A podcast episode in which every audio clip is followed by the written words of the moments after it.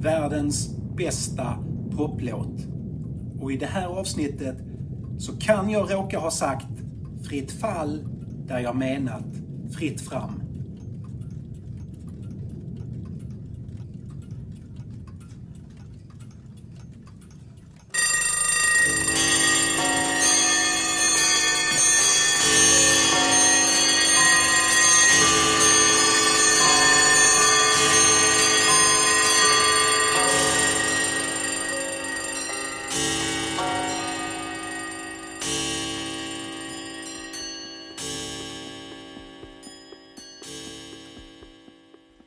Hej Shabaloba och välkomna till världens bästa poplåt.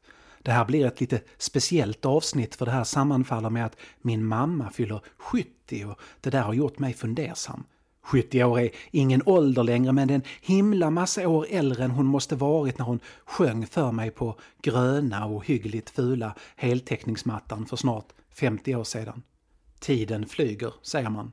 Vart tog åren vägen? frågar man. Det är som den susar förbi och plötsligt sitter jag här och fyller 50 om några månader och så ser jag på mitt äldsta barn som blir 18 och snart är juridiskt vuxen och så full av liv och kämpaglöd och vilja att förändra samhället men ändå är hon ju den där bebisen som vägrade somna och som lärde sig dansa innan hon lärde sig gå och det känns som igår. Men tiden är inte så linjär som vi tvingas uppleva den. De där ögonblicken är inte borta bara för att våra medvetanden för det mesta bara rör sig i en riktning längs tiden. Det jag som somnade till när mamma sjöng flamingokvintetten för mig finns fortfarande där, fast då. Och då är lika riktigt som det alltid var. Och det är inte omöjligt att se då från nu. I alla fall få en liten glimt av det. När jag hör Flamingokvintetten kvintetta fram någonting från deras femte skiva så reser mitt medvetande till den där platsen, på den där gatan, i det där huset, på den där förfärliga mattan och jag ser och hör och känner det som var. Visst, jag har rest vidare på tidsaxeln men det jag har lämnat bakom mig finns där, precis som Malmö finns kvar när jag rest mot Stockholm och sitter fast i Nässjö för att det är kor på spåret. Malmö finns även om jag inte längre är där och Stockholm finns även om jag inte hunnit dit. Vi som en gång funnits lever i tiden, för evigt i den, om vi har funnits i den någon gång. En gång i tiden sjöng min mamma världens bästa poplåt för mig. En cover, en fantastisk version av en fantastisk låt och hon sjöng den för mig 1975. Det här avsnittet handlar om den, om min mamma och om tiden. Häng med! Nu kör vi!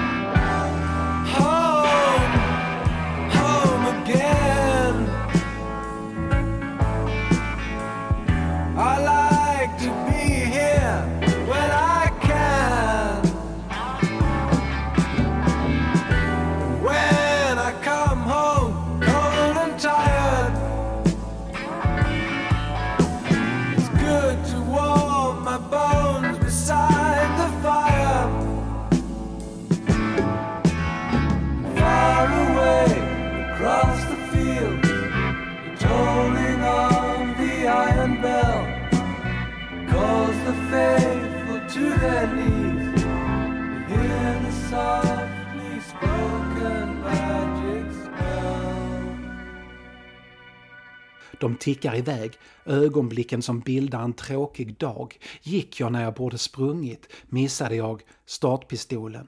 Don Van Vliet föddes i januari 1941 Frank Zappa månaden innan. Lill Lindfors ett halvår innan Zappa. Pugh Rogefeldt är en ungdom i sammanhanget som föddes 1947. Ola Magnell 1946. Björn Jison Lind 1944. Mamma 1953. De är huvudpersonerna i den här berättelsen. Det är min föräldrageneration. Människor som föddes eller hade sin barndom strax efter andra världskriget. Det är inte många kvar i den där samlingen jag räknade upp. Det är Lindfors och mamma som lever. Resten är borta, i alla fall ur vårt vanliga sätt att betrakta tiden. Don Van Fleet var ett underbarn, en sån där begåvning som inte kunde tyglas. Han målade och skulpterade redan som treåring och, han, och hans skapande studerades av barnpsykologer och konstnärer för de ville veta hur det där ens var möjligt. Han drabbades ibland av skov där han inte gjorde annat än att måla och skulptera. Han fick tvångsmatas och vårdas, vilket inte var enkelt för en familj med blygsamma inkomster i USA på 40 och 50-talet. Strax innan han fyller tonåring flyttar familjen till öknen. Lancaster är ett litet samhälle en halv dags bilresa från Los Angeles som kretsar kring en flygbas och en militär forskningsanläggning. Van Fleet älskar öknen, han kan titta på den i timmar. Senare beskriver han öknen som hans största kärlek. Het, oändlig, lockande.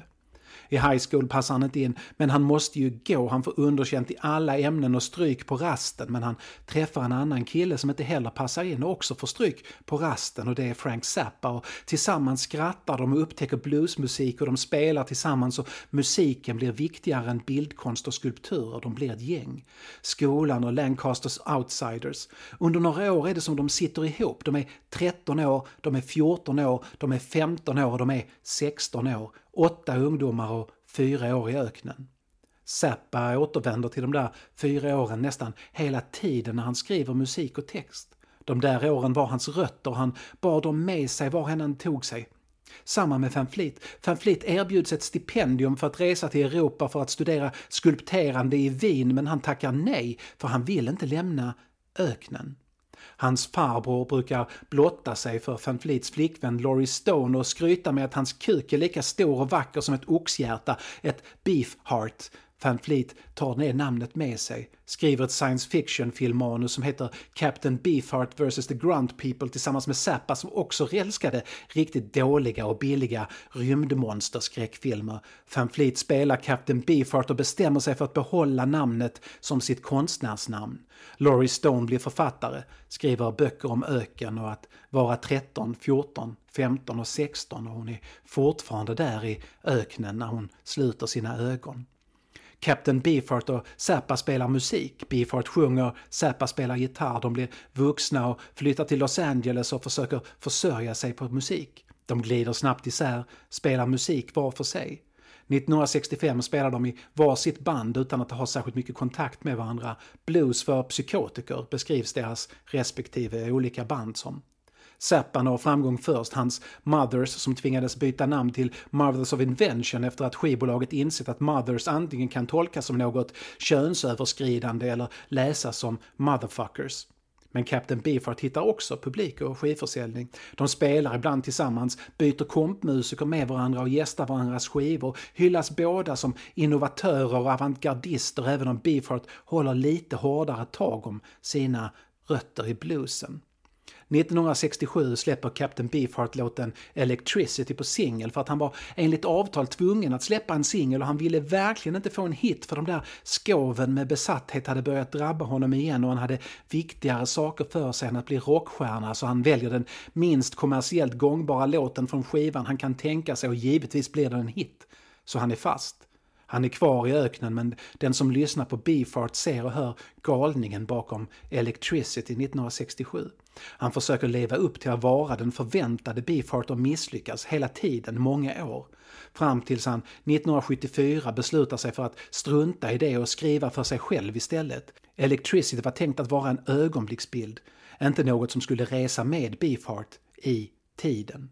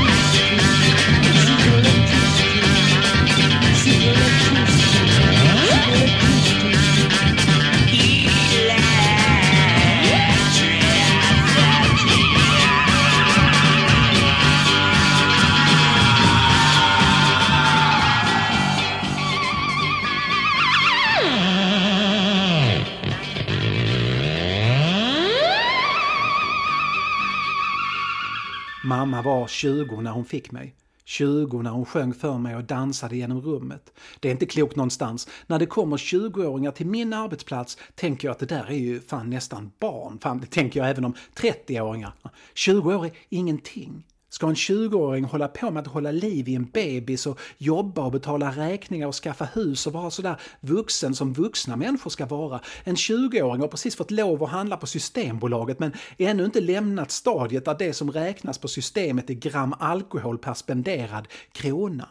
20-åringar är inte färdiga, de är nyfikna och fulla av liv och har en ocean av misstag framför sig att göra och lära sig av. Mamma var två år äldre när hon fick mig än vad mitt äldsta barn är nu två år äldre än studentfirarna som fyller gatorna så här års och viftar med hattar och blåser i visslor och beter sig i trafiken som om ett bra sätt att fira att man överlevt tre år på gymnasiet är att minimera chanserna att överleva så mycket som en timme efter gymnasiet. Mamma var så stor och vuxen från mitt perspektiv då, men nu? Jag undrar hur hon klarade. Jag är glad att hon gjorde det såklart, men jag undrar hur. Det var ingen rik familj jag växte upp i. Mamma och pappa sålde sitt arbete precis som allt annat vanligt folk. Båda sålde sin tid till Kockums, varvet som länge var närmast synonymt med Malmö, men pappa var med och byggde själva båtarna. Skiftarbete, han tjänade bra med pengar. Så pass bra att han blev förvånad över hur mycket mindre han tjänade när han skaffade sig ett jobb där man sitter ner och arbetar kontorstid istället. Kanske är det för att pappa jobbade så mycket skift och jobbade så mycket överhuvudtaget som mina flesta minnen från 1970-talet är minnen av mamma. Eller så är det för att minnena av mamma också är kopplade till minnena av musik. Mitt hem var fyllt av musik. Musiken pappa tog med sig in i hemmet var skivor av knutna nävar eller olika nordkoreanska utgåvor av Internationalen. Men mamma tog in bra musik och blandad musik och hon sjöng till de snurrande skivorna. Nationalteatern blandades med ABBA, Flamingokvintetten med Dolly Parton, rock, disco, skillingtryck, revyer, allt. Mamma hade ett öra för bra musik och var inte sluten för att älska olika genrer. Hon fattade direkt vad som var bra och det är ingen dålig egenskap om en LP kostar en tiondel av lönen och det inte finns hur mycket tid som helst för att lyssna på musik. När jag tittar på hennes gamla skivor så slås jag av att hon måste köpt debutskivor från artister innan de slog igenom. Hon var bland de första som fattade, men hur fattade hon? Carl Pedal, Wilmer X, Gyllene Tider, debutskivan innan den spelades på radio knappt. När hon var ensam med mig så fyllde hon vårt rum med musik. Och hör jag melodierna så är jag där igen. Vi finns där i tiden, min mamma och jag. Och samma är det med min dotter. Jag sjöng och dansade med henne som min mamma hade gjort med mig och vi reser också i tiden när vi hör våra låtar, de vi dansade till. Den där inledande pianotonen i My Chemical Romance, Welcome to the Black Parade, tar mig och dottern tillbaka till en annan tid, en tid där allt var musik och kärlek trots allt som hände runt omkring oss. Nu är vi båda upptagna med att förändra världen på våra sätt. Jag med en erfarenhet och cynisk uppgivenhet och hon med driv och frågor och en otäck förmåga att krossa ens självbelåtna föreställningar med knivskarp kritik och hon har en ovilja att låsa in sig i något fack eller låta sig låsas in men musiken låter oss resa i tiden. I en låt möts vi i tre generationer på den där inbillade tidsaxeln tiden är. När jag hör den är jag både med mamma på heltäckningsmattan på 70-talet och med dottern på parkettgolvet 2010 samtidigt. Att tiden rör sig är något vi bara inbillar oss eftersom vi rör oss. Det är som när två tåg står bredvid varandra på perrongen och man känner att man börjat rulla men det är det andra tåget som rullar. Vi står still. Rörelse är en fråga om perspektiv. Tidigare trodde man att jorden eller solen var universums mittpunkt och allt kretsade kring oss men sen insåg man att världen var större än så och att jorden kretsar runt solen och solen runt galaxens mitt och galaxen runt något annat. Och sen blev universum oändligt. Men är det oändligt så finns det ingen mitt, för det är ju oändligt. Det finns ingen mitt i oändligheten. Och om det snurras så kan vi lika gärna säga att det snurrar runt oss. All rörelse är relativt något annat. Man kan byta perspektiv. Samma med tiden. I Hanna från Arlöv är jag tillsammans med min mamma 1975 och min dotter 2010 och med Hanna på en tvätt i Arlöv och med Ulf Dageby, var än han är just nu. Vi rör oss och står still samtidigt.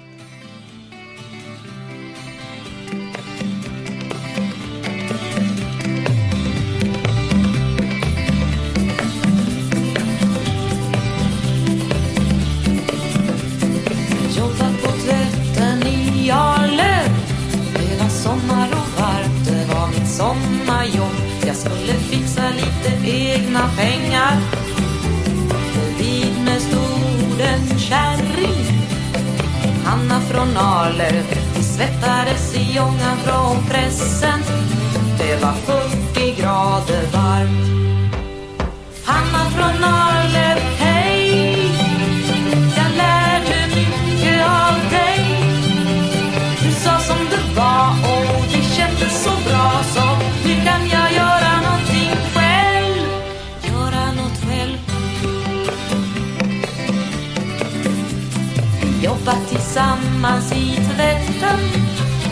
var kommunisten, fram på 50 år. Kan väl inte vara kommunist, va?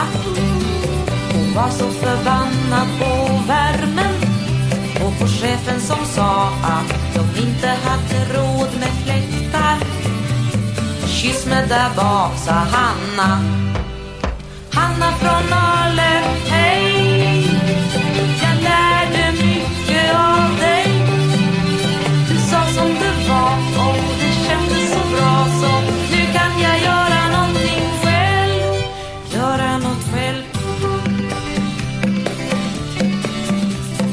Och Hanna höll tal på en mangel. Nu strejkar vi vilt, det är väl inga djur. Ska vi fan i mig ha våra fläktar. Hon tala med mig om vårt jobb och om chefens profit och om att vi som jobbar skulle hålla samman.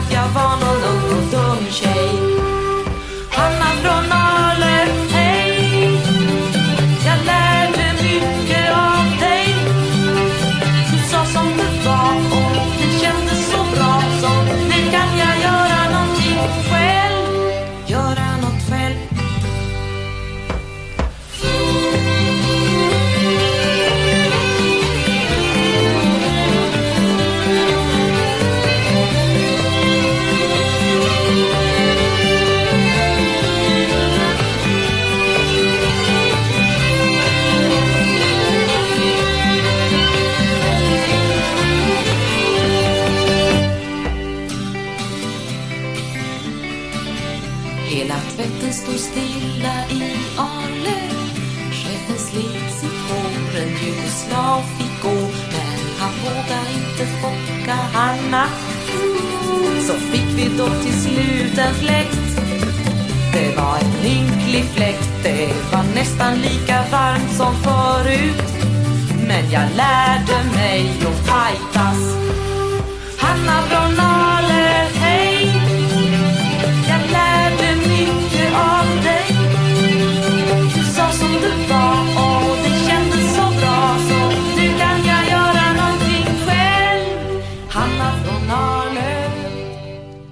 1961 sätter Karl Gerhard upp sin sista stora revy, Ursäkta handsken.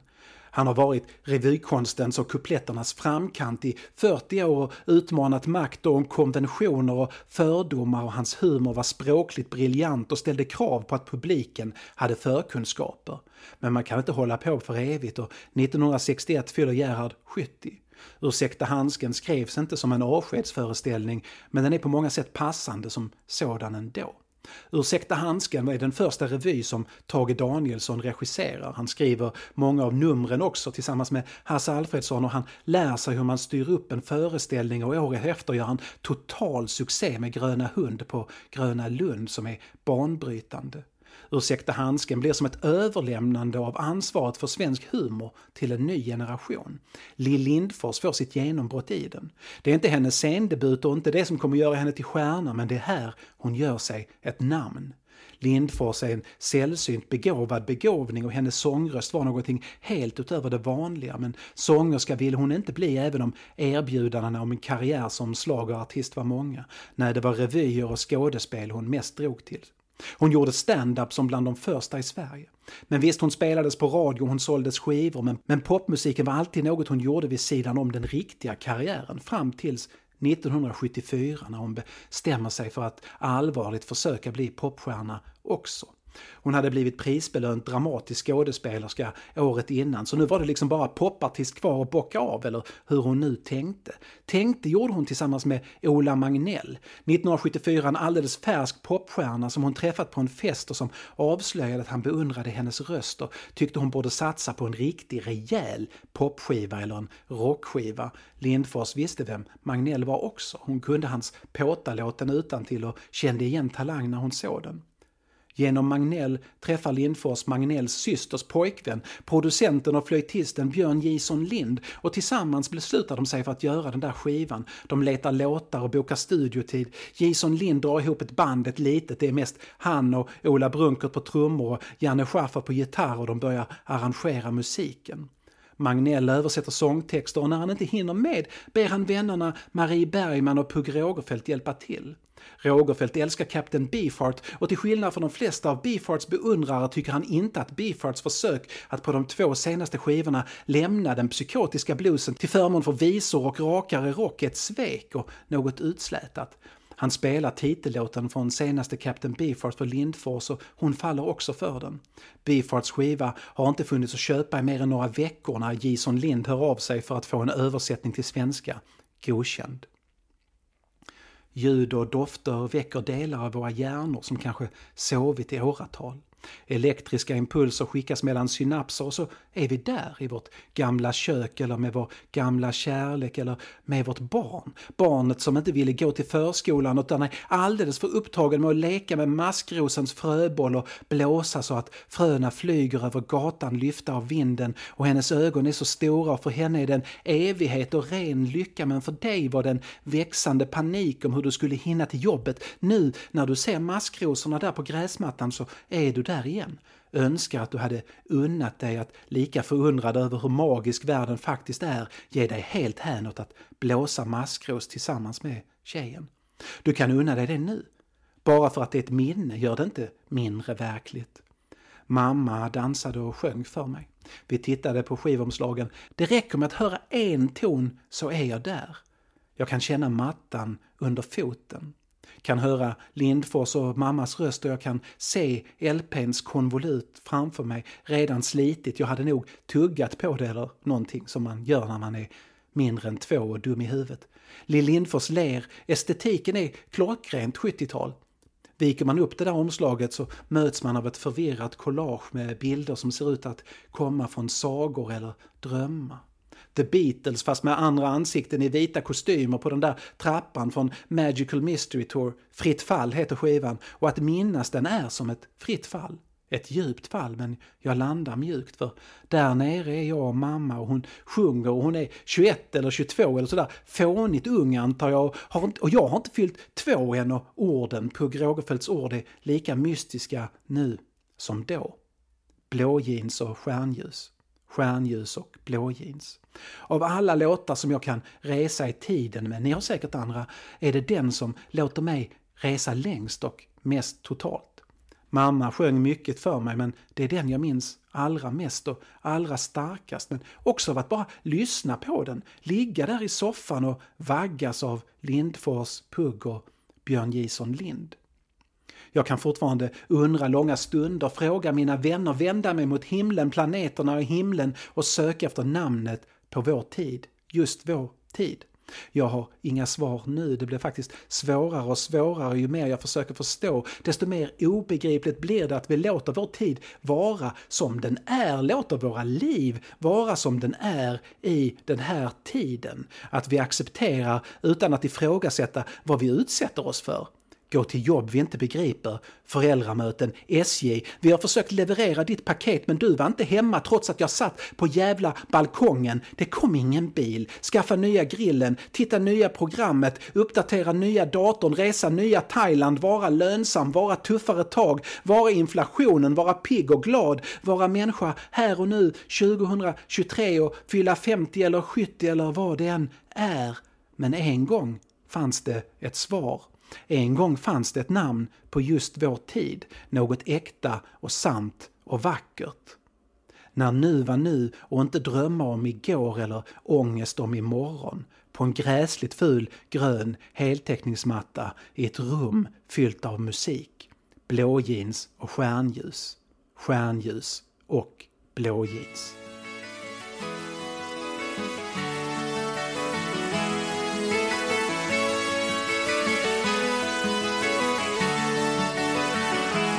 Jag har undrat långa stunder Frågat mina vänner Vänt mig mot himlen Planeterna och himlen.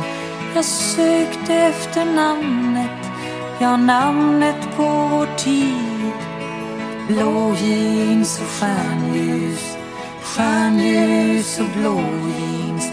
Vi har trampat på varandra vi har döpts i eld och blod men ändå sett en ljusblå horisont.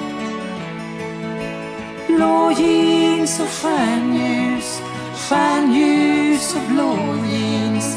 Blå jeans och stjärnljus, stjärnljus och blå jeans.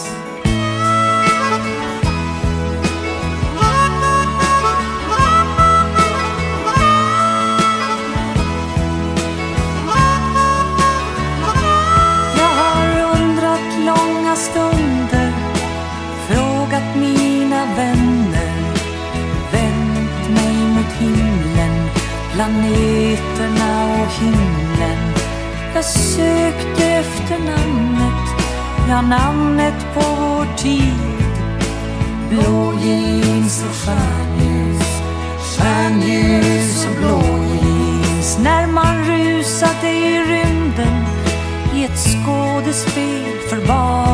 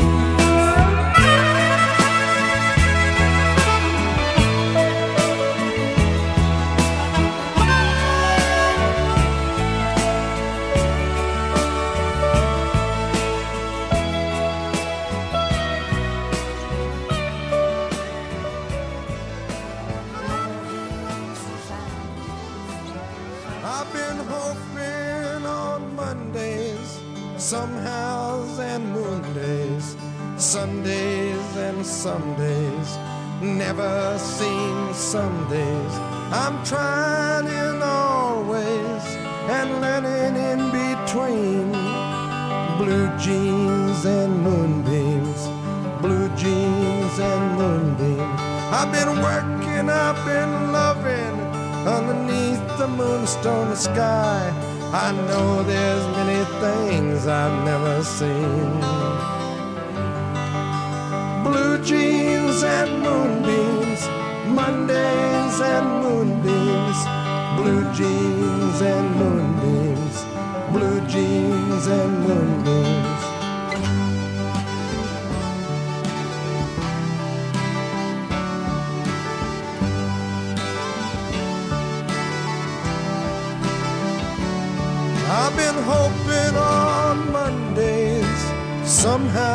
And moondays, Sundays and Sundays, never seen Sundays. I'm trying in all ways and learning in between. Blue jeans and moonbeams, blue jeans and moonbeams. I've been working, I've been loving underneath the moonstone sky. I know there's many things I've never seen. Blue jeans and moonbeams, Mondays and moonbeams, blue jeans and moonbeams, Mondays and